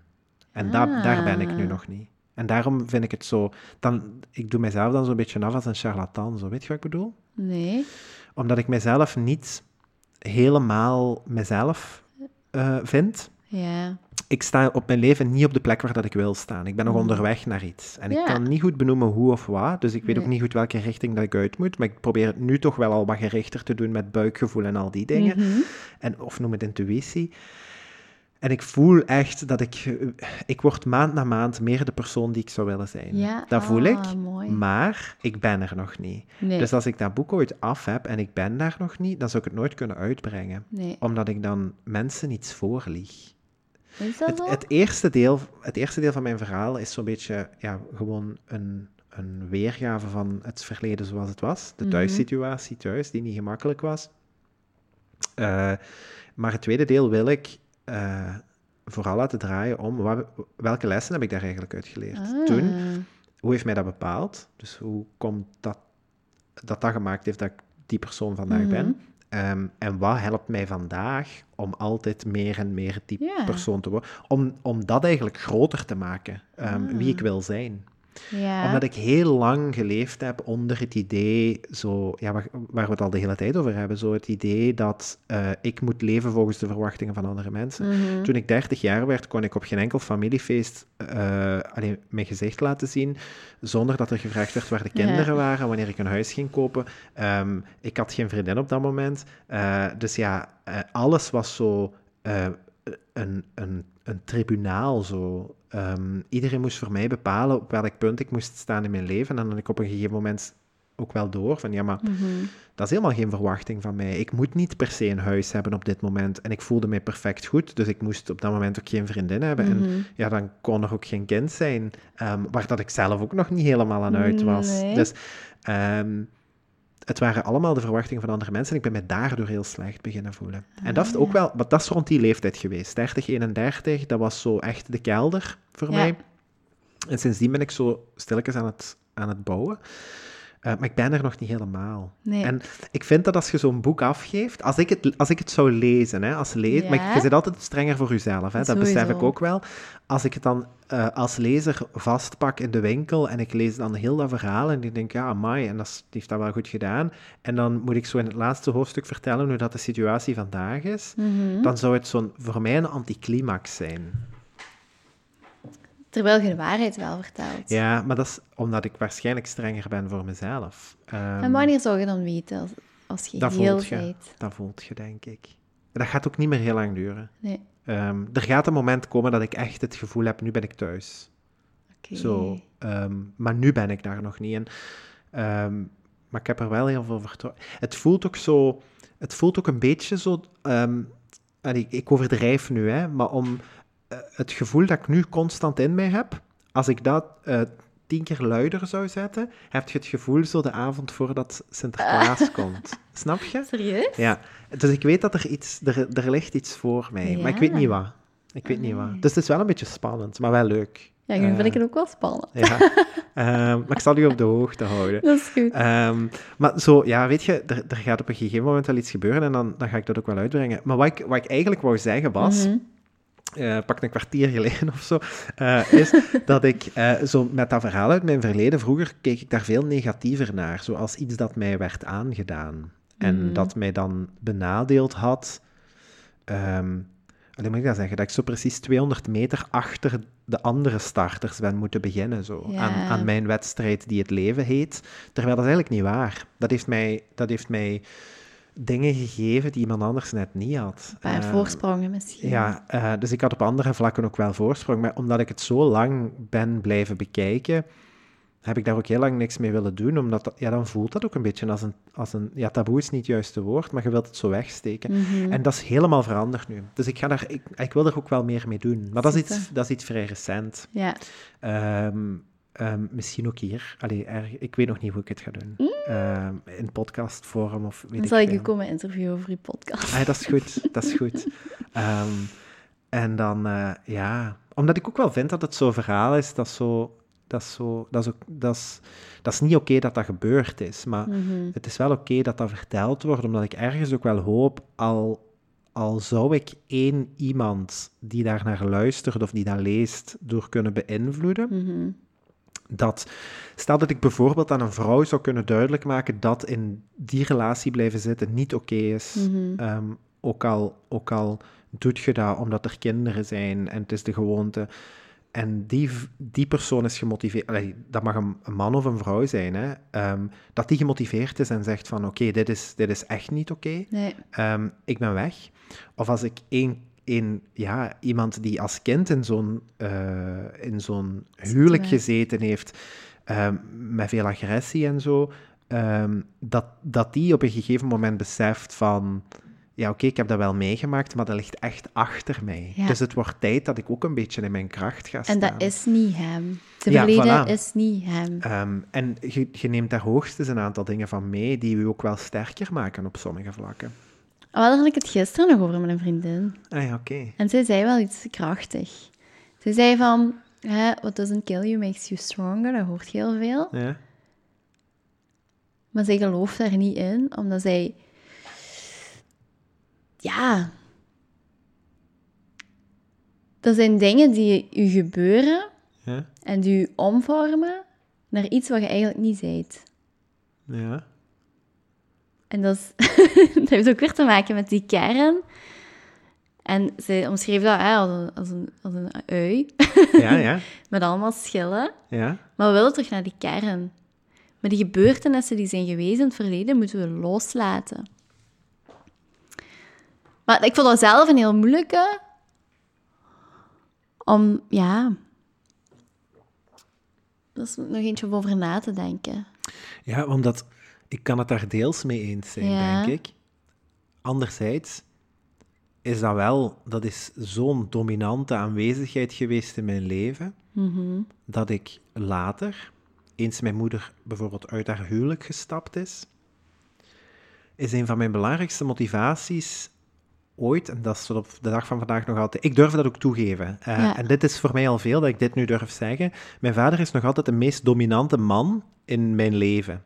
Terwijl ik die, en ik overdrijf niet, 15 jaar niet meer gezien heb. Behalve nu en dan is sporadisch. Omdat een van mijn grootste drijfveren nog altijd is anders te zijn dan hij is. Ja. En ik doe dat in al mijn levensbeslissingen. Ja. En Amai. Dus ik denk altijd toch wel ergens, hoe zou, hoe zou hij dat doen? En vaak is dat dan Ja? zo het slechte voorbeeld, dat ik dan niet, dat ik Ah. niet doe. Ehm, dus, en dat is, ergens is het oké, als je dat gebruikt als moreel kompas, is dat Ja. oké. Eh, en in die zin heeft die situatie vroeger mij sterker gemaakt, Mhm. omdat ik kies voor heel andere normen en waarden. Mhm. Anderzijds denk ik ook, stel dat dat er niet was geweest en dat was anders gelopen, had ik ja, mij ook niet altijd zo moeten kneden naar een situatie waar ik tegen wil en dank in gezeten had. En dan is het een nadeel. Omdat mijn... Dat is wat ik bedoel met zo dat dominante stuk. Mijn vader heeft me voor een stuk gedwongen ook om daar heel bewust mee bezig te Ja. zijn. Stel dat mijn vrije tijd naar heel andere dingen had kunnen gaan. Mhm. Wat had ik dan gedaan? Ja. Dat vraag ik me soms wel af. Ja? Maar eh, in de achteruitkijkspiegel denk ik ook wel, en dat is uiteindelijk de definitie die voor mij ehm, de doorslag geeft, dat, dat het op zich oké is. Mhm. Ik ben als persoon absoluut content met wie ik geworden ben. En ik ben dat ook net geworden omdat ik het wel heb meegemaakt. Ja. En ik vind bijvoorbeeld, ik, ja, ik durf dat ook zeggen, hè, ik vind dingen bijvoorbeeld als, als liefde en empathie en alleen elkaar graag zien en niemand moet zich wegcijferen en iedereen moet in zijn kracht staan. En geluk begint altijd bij jezelf. Je kunt nooit iemand anders proberen gelukkig maken als het ten koste gaat van jezelf. Maar anderzijds kun je wel, en dat is zo'n beetje allee, de, de absolute wenssituatie, dat je op, op een dag in je leven iemand tegenkomt waar dat je het gevoel van hebt, allee, je wordt zo naar elkaar toegetrokken dat dat zo intiem is en dat is zoiets onuitgesproken. Mhm. Je bent allebei apart perfect gelukkig Mhm. met wat je doet. Je hebt elkaar niet nodig, Mhm. maar omdat je toevallig eh, ja, samen bent, gaat je zo net iets hoger nog vliegen. Ja. En dat vind ik op zich wel een, een, ja, een doel, is een groot woord, maar zo. ehm, dat vertrekt allemaal. eh, want je, kunt ook nooit zo- in zo'n situatie zitten als je al die eerste dingen niet hebt. Jezelf graag zien en, en geluk kunnen voelen en ervaren. En. Ehm, dus het, ja, dan zit je altijd opnieuw terug bij jezelf. En ehm, ik ben aan al die dingen zo'n beetje apart eh, beginnen, beginnen ja, werken en sleutelen en zoeken. En mijn vader was dan een soort van omgekeerde inspiratie of zo. Mhm. Ehm, omdat dat... Nu, ik kan jaren later ook wel zien hè, dat hij ook slachtoffer was op een gegeven moment waarschijnlijk, waardoor dat hij zo is beginnen doen. Ik ben er ook van overtuigd dat mijn vader gewoon de kant van agressie gekozen heeft, omdat hij doorhad dat dat de eerste keer was in zijn leven dat mensen naar hem luisterden. Mm. Dus op zich zit daar ook wel iets tragisch in. En Ja. eh, dat wil ik absoluut wel toegeven. Mhm. Maar heeft het ons wel aangedaan. En Ja, dat, zo. dat deel vind ik dan moeilijker om te... Vergeven niet, dat is te lang geleden, maar Mhm. vergeten doe ik het nooit. Ja. Eh, dus dat wil ik allemaal wel zien. En daar is ook heel Ja. wat eh, introspectie aan, eh, aan, aan te pas gekomen. Maar ehm, ja, ik, ik doe het er nu wel mee zo. En Ja. op zich ben ik content met, met wie ik ben of zo, Ja. ondanks dat. Ik had ook een heel ander pad kunnen kiezen. Hè? Ja, het is dan net, hè. Van, ik, ik geloof niet dat de, uw verleden u maakt tot wie je zijt. Hoe jij daarmee omgaat, of om zit gegaan, maakt wie jij zijt. Ja, voilà. Ik heb mensen die twee dezelfde situaties hebben meegemaakt, maar die er anders zijn uitgekomen. Ja. Dus ik geloof niet dat het verleden maakt wie je zijt, maar gewoon, ja, Mhm. u blijkt daarop, u kijkt daarop. Ik heb in het vierde leerjaar, heb ik ooit een leerkracht horen zeggen, dat de helft van de kinderen die opgroeien in een gezin met intrafamiliaal geweld, dat die zelf op een gegeven moment ook dader worden. Ehm, hoe oud zijt je in het vierde leerjaar? Tien jaar? Mm, negen. Ah nee, tien. Ja, negen à tien jaar. Ja. Ehm, dus dat is nu voor mij 25 jaar geleden. En ik, ik, ben die, ik weet die zin alsof mij dat gisteren geleerd is. Dus dat is echt zo mijn, mijn drijfveer. totaal niet, Ehm, ja. Terwijl, ja, ik wou gewoon zo niet... Allee, dat ik, dat ik dat ooit zelf zo zou doen. En dat heeft Mhm. ook gemaakt dat ik veel meer energie, gesto allee, energie gestoken.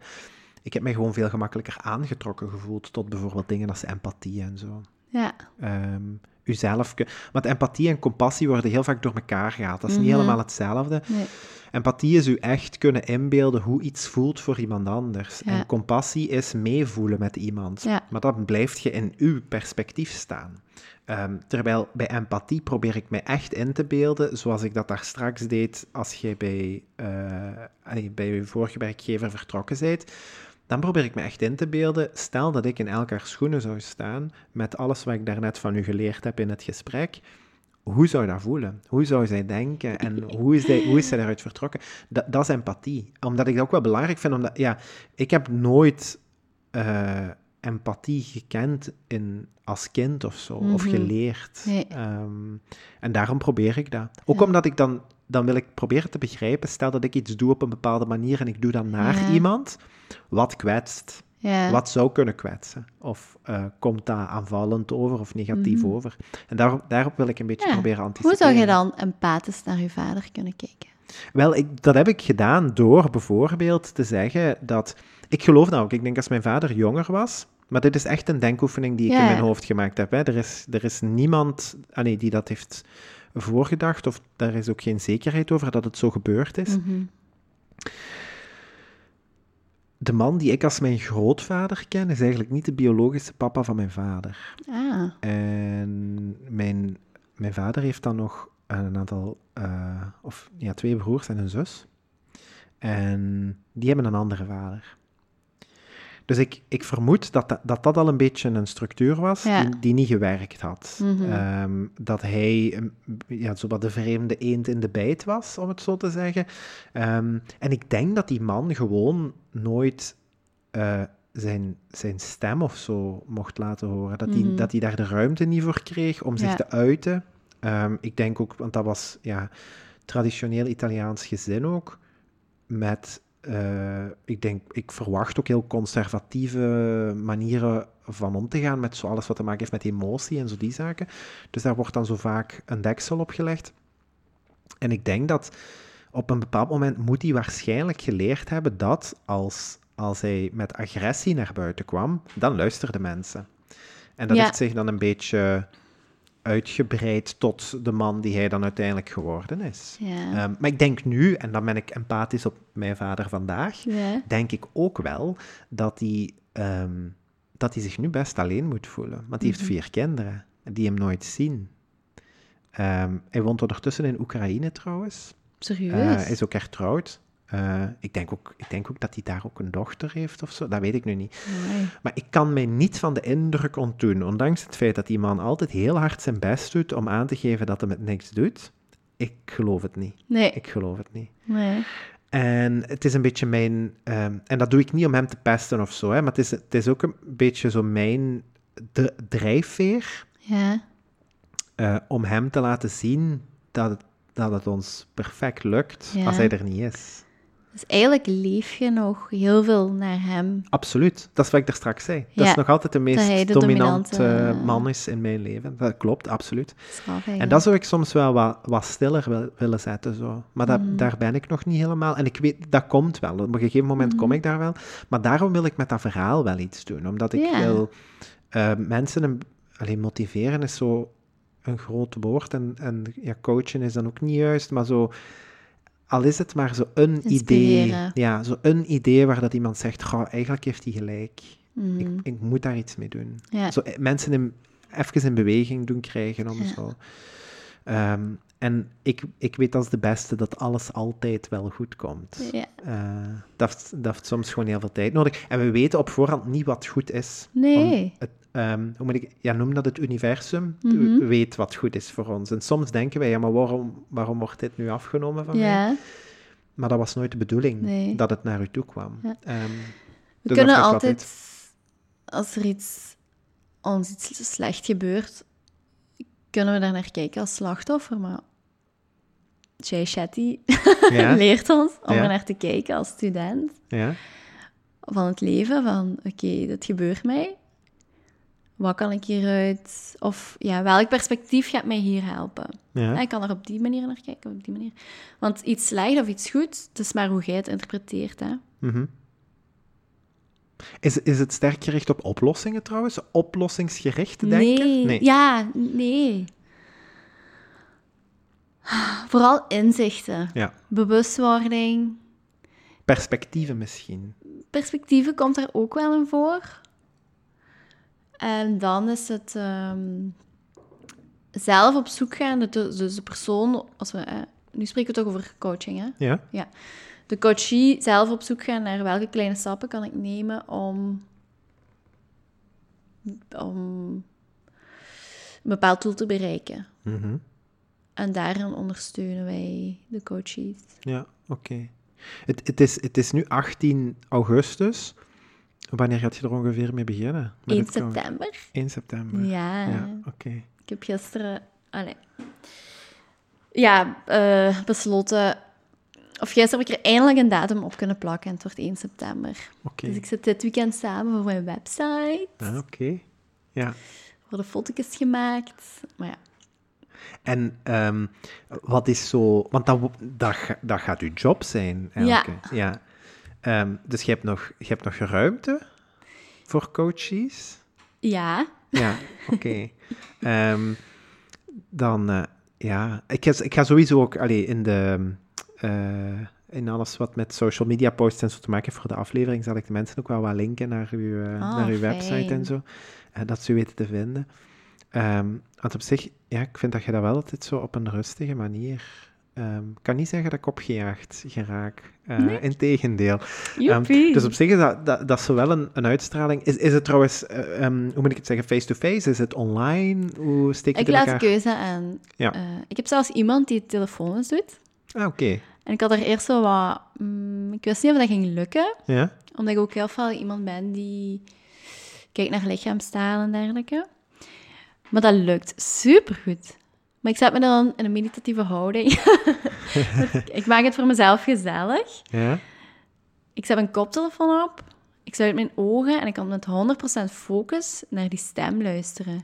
Dus wat ik dan niet fysiek zie, in lichaamstaal, hoor ik Ah, ja, oké. in stemgeluid. Ja, door u echt af te sluiten Door hè? echt af te sluiten en volledig focus op haar te richten. Dat Mhm. gaat supergoed, merk ik.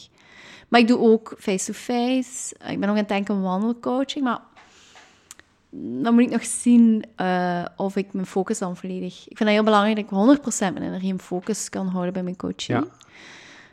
En wandelen is bij mij vaak gerelateerd aan voor mezelf reflecteren.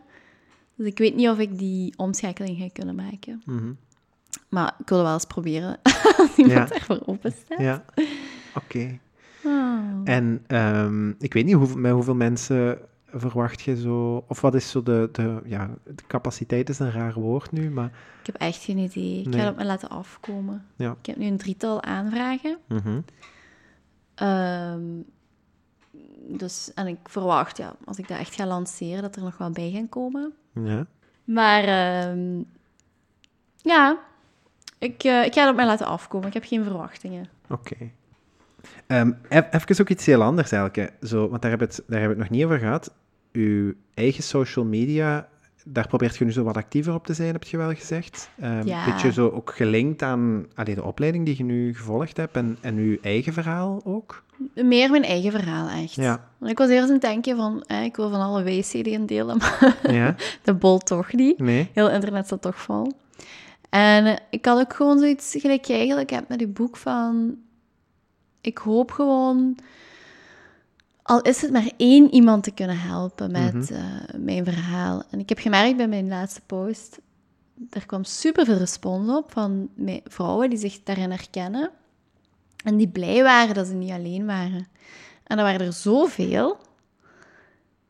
Ja, ik kan er bijna een community... Allee, ik bedoel... Ja? ja? Gewoon, ja, dat is gek dat zoveel mensen met, dezelfde gevoel, met hetzelfde gevoel zitten en zich toch zo alleen voelen. Dus dat wil toch zeggen dat er een bepaald taboe rondheerst. En ik wil via social media eigenlijk dat een beetje doorbreken. Mhm. Maar ik word een beetje tegengehouden door mijn vriend. ik zou Ja. veel meer delen, maar ik mag niet. maar goed, dus ik probeer... Vertel.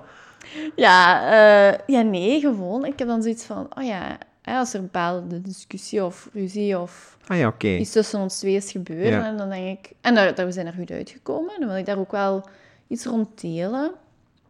Maar dat mag dan... Of ik moet dan heel vaag blijven.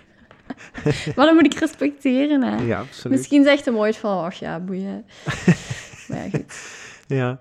En, uh, want daarnaast doet jij nog iets belangrijk op, op social media. Um, Yes. want jij beheert de social media account van uh, Lento in Hasselt. Ja, Wat mij dan bijzonder interesseert, is, is hoe dat je daaruit gekomen bent. ah, wel. Dus bij corona, uh, ik ben dus heel veel in mijn waarde gaan staan en heel bewust geworden daarvan. Dus toen was mijn idee, tijdens de eerste lockdown, van oké, toen was er nog geen sprake van, ja, dat ik echt volledig ons... Of ja, maakt niet uit, wacht. Dat uw traject er anders ging Ja, toen, ik had toen nog geen idee, maar ja. ja. Toen spookte er zo van alles door mijn hoofd. Maar toen dacht ik, oké, misschien wil ik gewoon een, een job doen die binnen mijn waarde past, waar ik me goed in voel, maar waar ik daarna energie, daarnaast energie over heb om iets zelfstandig uit te bouwen. Mm -hmm. Dus toen heb ik een sollicitatiebrief gestuurd naar Lento, of zij ja. niemand zochten. Omdat ik, ja, ik ben zelf veganist en hun visie sprak mij wel heel sterk aan. Um, en ze hebben mij toen uitgenodigd, maar ze konden niemand vast in dienst nemen destijds. Dus hebben ze, kwam Jolan met het idee van, hé, hey, maar eh, je lijkt wel redelijk goed in social media, dus waarom doe je ons social media niet? Dus ja, nu post ik iedere dag uh, een post. Oké. Okay. Ga ik foto's maken daar. Ja. Super fijn. Je hebt het helemaal, helemaal overgenomen van hen? Helemaal. Ja. Want ja, ze had er zelf geen tijd voor, maar ze besefte wel hoe belangrijk dat was. Mm -hmm. Dus toen zei Tekla van, oh ja, neem dat alsjeblieft over. Ja. En ik doe dat super graag. Maar ik mag ook volledig mijn ding doen. Dus ja. Ik heb al, ik heb bijvoorbeeld een kapper gehad die dat ook vroeg aan mij. Maar dat lag niet binnen mijn... Oké. Okay. Ja, dat was niet... Ik kon mij zelf daar niet in zijn. Dus mm -hmm. heb ik dat afgewezen. Ja. Dit is eigenlijk uw creatieve invulling van het opkomen voor de rechten van iedereen. Ja, eigenlijk niemand die post gaan over heel alledaagse dingen. Ja. Niet altijd, niet, eigenlijk heel weinig over het veganisme. Ik moet dat misschien wat meer doen, maar... Ja, of niet. Ja, um, ik doe het misschien maar het is, het is, niet. Het is sowieso, omdat, ja, Lento is een heel goed, trouwens, veganistisch restaurant in, in Hasselt. En um, op, op zich, door, door het te doen, draagt je er hoe dan ook je steentje aan bij, hè? Ja, ah, ja het moet er niet altijd over, het moet niet altijd een confrontatie zijn. Nee. Maar het kan ook gewoon. Soms is het al heel belangrijk als je mensen overtuigd krijgt dat, dat we niet alleen gras moeten eten. Ja, dat is, ook echt. al, dat is ook al veel. En daar is Lento heel goed in. Ja, dus in die zin is die inhoud. Uh, dat, is, dat is een creatieve invulling van een. Uh, hoe moet ik het zeggen? Je waarde. Ik ben aan het zoeken naar het. Uh, van zo'n mensen die op de barricade staan. Niet iedereen moet op de barricade staan. Soms moet je ook gewoon de, de leuke kant uh, Ja. onder de aandacht brengen. Dus dat doet je dan, hè? Ja, dat voelt goed. Ja, voilà. En zo, het, het, uh, want ja, dat zei ik al, hè, het sluit dan inderdaad zo heel dicht aan bij uw normen en waarden. De opleiding die je nu gedaan hebt, Mhm. um, sluit ook zo aan bij uw normen en waarden. Misschien moet ik diezelfde vraag u ook eens stellen, waar dat ik het daar straks alleen dan voor mij over had. Heb je voor jezelf nu ook niet het gevoel dat je zo, ja, pak het, het laatste jaar of zo, uh, meer de elke wordt die je moest zijn of wilt zijn? Ja, ja. ik heb het heel fel. Voelt dat, ook, voelt dat dan voor u ook niet een beetje als Sinterklaas? Ik heb dat echt. Dat ik voelde mij echt een kind. ik, ja. Bij corona heb ik, ja, ik heb het veel over corona, maar dat was een belangrijke periode voor mij. De eerste lockdown, um, ik was echt terug de elke van vroeger zo. Mm -hmm. Ik sprak ook meer uit, ik deed meer mijn ding. Ja. Toen de winkels terug open gingen, in Hasselt. Ik ging naar Hasselt en ik voelde mij zo vervreemd. Ik voelde mij juist zo Mowgli in Ja. Hasselt. Zo. Die is rechtstreeks uit het bos. Echt Ja. waar, ik voelde me zo... Een wolvenkind heb ik het. Ge... Allee, in mijn pauze heb ik het ergens genoemd. Ja, Ik voelde mij zo in de natuur. En toen moest ik terug gaan werken. Dat was ja, vreselijk. dat is een cultuurshock, ja. Ik voelde mij letterlijk ontrokken van de natuur. En ik moest terug tussen die vier witte muren gaan zitten. Dat was echt... Ja, Daar was die keuze ook gemakkelijk. ja. Oké. En je gaat nu zo... Ja, stilke, want ja, het ligt nog een beetje in de toekomst. Hè? Zo 1 september begint je met de coachings, dus dat gaat een beetje zijn, zijn, zijn eh, en je gaat daar je draai wat in moeten vinden, maar dat zal Mhm. dan wel in de plooi vallen. Eh, de website komt eraan. Yes. Ehm, zi- zijn er nog dingen die we niet weten van elke die in de toekomst nog staan te gebeuren? Ehm, ik ben heel veel bezig met yoga ook, dus ik hoop mijn volgende opleiding dat dat yoga teacher het zijn. Dat ik dat kan... eh, dat ik dat mee kan nemen in mijn coachings. Mhm. Oké, Ja. oké, fijn. Eh, elke, ik, ik, eh, zoals altijd, ehm, heeft elk verhaal, hoe, hoe mooi dat ook is, ook een eind. Eh, en, en we zijn er in ons geval aan dit verhaal dan toch stilletjes wat aangekomen. Ik ben benieuwd, hoe lang zitten we nu? Ehm, we, hebben, ik, we hebben nu ongeveer een, een uur en ja, pakt een uur twintig of zo hebben we ongeveer Echt? opgenomen. Maar ik vond het zelf heel boeiend. Ook omdat er niet alleen zo, de- want die zijn er ook absoluut zo de gemeenschappelijkheden. Ehm, maar ik, ik, er, ja, ik heb zoiets willen leren precies. Zo uw gemak om bepaalde hordes. ehm, ja, dus, Is u dat gelukt? ik weet het nog niet. Ik moet, het, ik moet nog, eh, ik moet nog ehm, noem het, reflecteren daarover of zo. Ja. Ehm, maar er zijn wel een aantal dingen waar dat ik zo... Dan denk ik, ah ja, zo, zo gemakkelijk kan het eigenlijk ook. Ik laat mij heel soms vangen in het overdenken. Ja. Eh, en dat is een beetje mijn... eh, ik krijg die knop niet altijd zo eh, uitgezet. Mhm. Ehm, en dat heeft gewoon te maken met de, de mate waarin alles ofwel stuk voor stuk binnenkomt of tegelijk. Eh, als de sluis open staat, dan ga ik heel gemakkelijk overdenken. Terwijl als ik het een beetje zo kan ordenen op voorhand en het komt zo stelselmatig wat op mij Ja. af, dan ben ik goed in wat ik doe. Maar soms, en dat is wat ik bedoel met dat overspoelen zo. Ja. Soms worden de dingen zo groot en dan, zeker als je dan ook afhankelijk bent van de, van de meningen of de, of de, de bereidheid van andere mensen, eh, dan, vind ik dat altijd, eh, dan vind ik dat altijd wel wat moeilijker om dat zo te blijven bewaken. Ja. Dus het is, het is geen jaloezie in de slechte zin van het woord, maar het is bewondering ehm, om zo u daar zo over zien te springen. Dus daar Mhm. zit mijn leerpunt. Ehm, maar merci dan om mij, om mij op, dat, eh, op dat pad te brengen vandaag. Ehm, ja, ik, ik weet zelfs niet waar ik moet beginnen om u zo succes mee te wensen of zo. Er zijn zoveel dingen die staan te gebeuren. Ik vind het super moedig wat je gedaan hebt en ik denk dat daar ook wel heel veel kwetsbaarheid in gezeten heeft. Mhm. Ehm, maar je hebt, je hebt dat altijd vanuit een kracht gedaan. En dat stuk vind ik dan ook absoluut te bewonderen. Dus ik wens u heel veel succes met ehm, en het afronden van de opleiding met, uw met uw Engelse coaching sessies die er nog aan zitten komen. Ehm, ik wens u ook bijzonder veel eh, succes met de start van Unplug. Dank u. Ehm, en eh, ja, allee, de yoga en zo, die dingen. Ik wens u heel veel eh, minuten en uren in de natuur. Ah. Dat is ook heel belangrijk. En dan, eh, ja, ik- blijf het sowieso wel in de gaten houden wat er met eh, elke vanaf nu gebeurt. Het is een spannende periode, toch? Mm, ja, sowieso. Maar ik dus ben ook ik, heel benieuwd naar uw boek.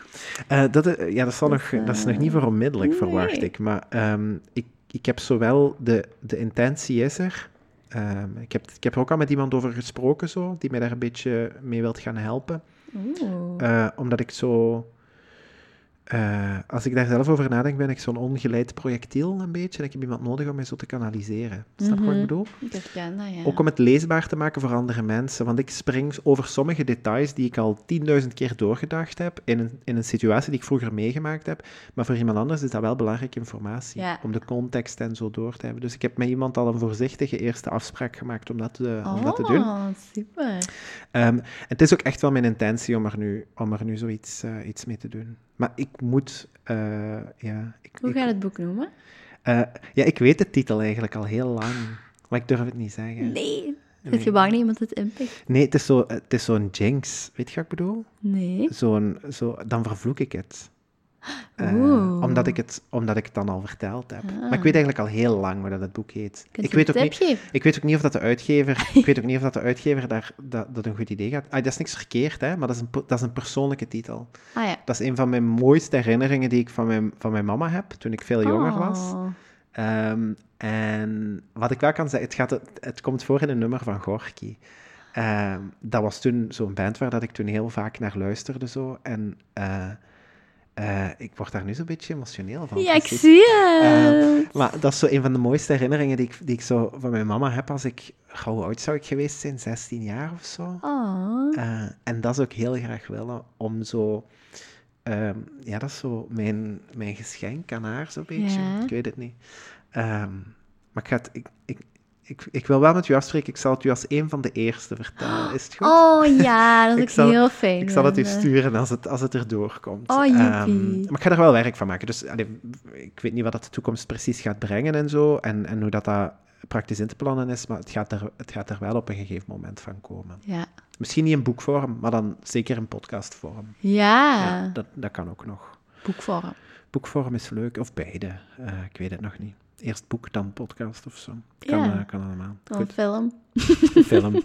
Eh, dat kan ook. Eh, maar ja, we zullen zien. We zullen zien. Ik, ik, voorlopig en voor nu eigenlijk wens ik u vooral heel veel succes met de dingen die op uw pad liggen. Ehm, eh, ja, ik wil bijna zeggen proficiat ook met de beslissingen die je zo vlot en spontaan genomen hebt in de afgelopen weken en maanden en, en jaar. Ehm, want ik vind dat niet altijd heel evident. Ehm, maar eh, ik, ik ga u sowieso in de gaten blijven houden.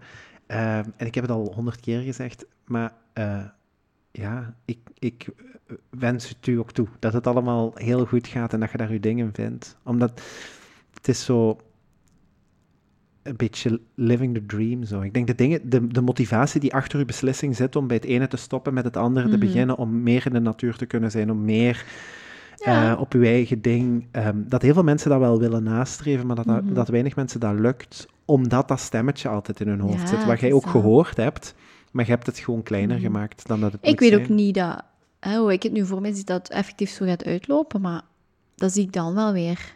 Ik kijk, wat is op dit moment mijn, op de juiste beslissing? En er gaan nog heel veel keuzes komen, maar dat zie ik dan wel weer. Oké. Weg, met het, weg met het overdenken, Elke. Yes! Eh, en gewoon doen. Intuïtie. Ehm, dat ga ik mezelf ook toewensen nu dan. Eh, Elke, dikke merci voor het gesprek in het, in het mooie Diepenbeek. Ik, ehm, ik ehm, blijf alles volgen wat er, eh, wat er met Elke gebeurt. Ja. En dan zien en horen wij elkaar misschien Fijn. later nog wel eens. het een heel leuk gesprek. Ja, idem. idem. Dankjewel. Merci. Dag Elke. Doei!